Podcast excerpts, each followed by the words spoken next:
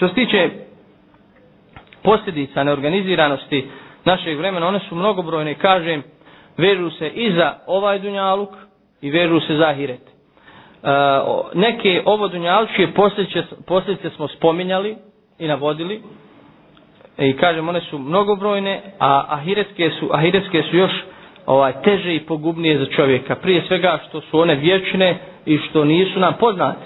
Mi na ovom dunjaluku možemo predvidjeti na osnovu našeg iskustva posljedice neorganiziranosti i neiskorištavanja vremena. Međutim, na onome svijetu to ne možemo. Možemo samo otprilike, međutim, veličinu, veličinu tih posljedica na onom svijetu ne možemo zamisliti. Ne možemo zamisliti. Jer na ovome svijetu, kakva je razlika između posljedica e, neorganiziranosti vremena na ovome svijetu i onom svijetu. Razlika je u tome što se ponekad na ovome svijetu te greške i propusti mogu ispraviti.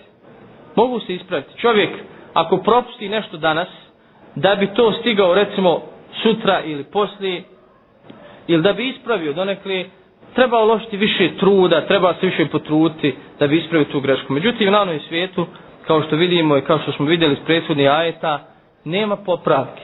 Nema popravki. I vjerujte da će najveće kajanje oni koji su uh, protračili svoj život i svoje vrijeme, da će biti najveće kajanje na onome svijetu. Na ovom svijetu čovjek izgubi mnoge prilike. Malo se kaje, mjesec, dva godinu i zaboravi to, ide dalje živi. Međutim, na onome svijetu to će kajanje biti vječno, nepopravljivo. Prva posljedica neorganiziranosti vremena i ona je najpogubnija jeste propaštavanje života. Propaštavanje bi života bez ikakve koristi ili sa nekim neznatnim koristima. Onaj čovjek koji čitavo vrijeme, čitav svoj život nije imao organiziran, organizirano vrijeme, nije postigao ono što je trebao, ni na Dunjalku, ni, ni za Ahiret, on je upropastio svoj život, svoj priliku. I najveća, kažem, najveća tragedija i katastrofa je u tome što čovjek to ne može vratiti. Ne može vratiti. Također, od posljedica neorganiziranosti vremena jeste strah i duševna uznemirenost onaj ko nije organizirao svoj život i svoje vrijeme, neće biti u stanju da odgaja i čisti svoju dušu i posljedica toga je znači e, duhovna smrt i uznemirenost. Onaj čovjek ili ona osoba koja nema e, uredan život, koja nema organiziran život, organizirano vrijeme, mnogo toga će protračiti, propustiti u životu i naravno vidjet će da, je došao u čorsokak, da, da se zagribio živo blato do, do grla i da više nema povratka ili da je povratak veoma težak, tada vidi da je veliki gubitnik još na ovome svijetu, ništa nije uradio, ništa nije postigao. Vi možete naći primjera u životu jeli, oko vas, porazgovarati s ljudima i oni će vam priznati.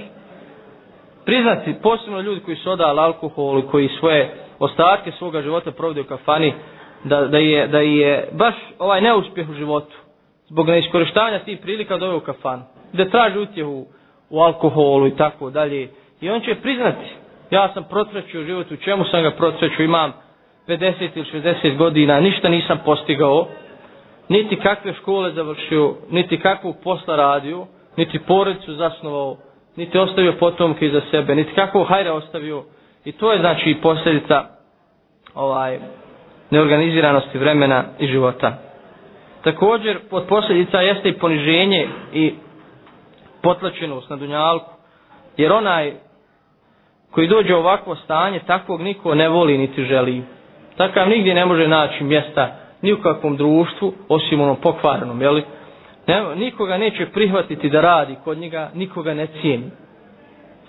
Svi ga omalovažavaju. To su ljudi koji su, znači, upropastili svoj život na ovome svijetu. I posljedica koja je vezana za onaj svijet koji smo malo prije spominjali jeste propast, ona prava propast i kajanje na sudnjem danu. Znači kada dođe čovjek pred Allaha bez, značajnih dijela, tada slijedi kajanje, slijedi kajanje i slijedi molba koju će mnogi upućivati Allahu da ih vrati, da čine dobra, pa bit će dobri, pa popravit će se i tako dalje, pa kaže jedan kuranski ajat je kulu kad nem tu Pa mnogi će reći koji, koji kada vide svoje stanje, jel kako je, kazaći, teško meni da sam Bog do išta za svoga života učinio. Da sam Bog do išta za svoga života učinio. To je najveća i najkatastrofalnija posljedica neorganiziranosti vremena.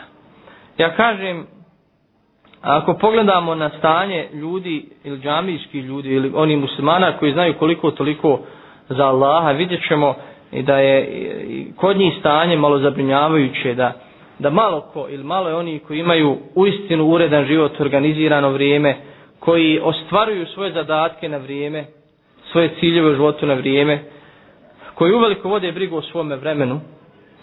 Međutim, ja kažem, a šta onda ako se osvrnemo na ovaj svijet, na većinu svijeta koji je tako jednom, jednom dubokom nemaru prema vjeri, koji apsolutno ne misli o vremenu.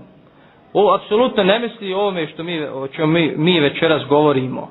Za njega je vrijeme nešto nevažno, nebitno. Odnosno, za njega je vrijeme e, uživanje. Iskoristiti to vrijeme za uživanje, za udovoljavanje strastima i tako dalje. E, čak, znači, takvi ljudi ne mogu postići ni, ni, kakvu, kakvu dobrobit na ovome svijetu. Od takvih ljudi koji se odali, znači, uživanjima i koji robuju svojim strastima, ne možemo očekivati da budu marljivi i korisni građani određenog društva ili određene zajednice. Ne možemo očekivati od ljudi. Zato ćemo naći, ali danas ljudi ne mogu naći posao. Zašto? Kaže, primi ga, primi ga u jednom preduzeću pa vidi da, da ovaj, kasni na posao ili ode prije s posla. Ili dođe, pazite, dođe na posao na vrijeme, međutim od njega ništa.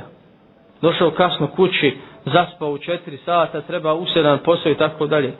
Zato ovaj, kada osvrnemo se malo na ovo, na stanje običnog svijeta koji, koji šeta ovim našim ulicama posebno jeli, u ljetnim e, danima, onda uistinu čovjek uhvati neka zabrinutost za, za te ljude, kuda srljaju, kuda idu i šta će biti sa njima na onome svijetu. Da ne govorim o posljedicama na ovome svijetu, jer one su, kažem, manje bolne i one su prolazne čovjek eh, završi ovaj dunjaluk i prođe ono što je prošlo od ovo dunjalučki do, blagodati. Međutim, problem je kako stati pred Allaha na, na onome svijetu i kako, kako odgovoriti za život u čemu smo ga proveli, šta smo uradili i ono što je naj, najbolnije spoznaja da više nema povratka i da čovjek ne može nadoknaditi kada u pitanju ahiret ono što je propustio na ovome svijetu.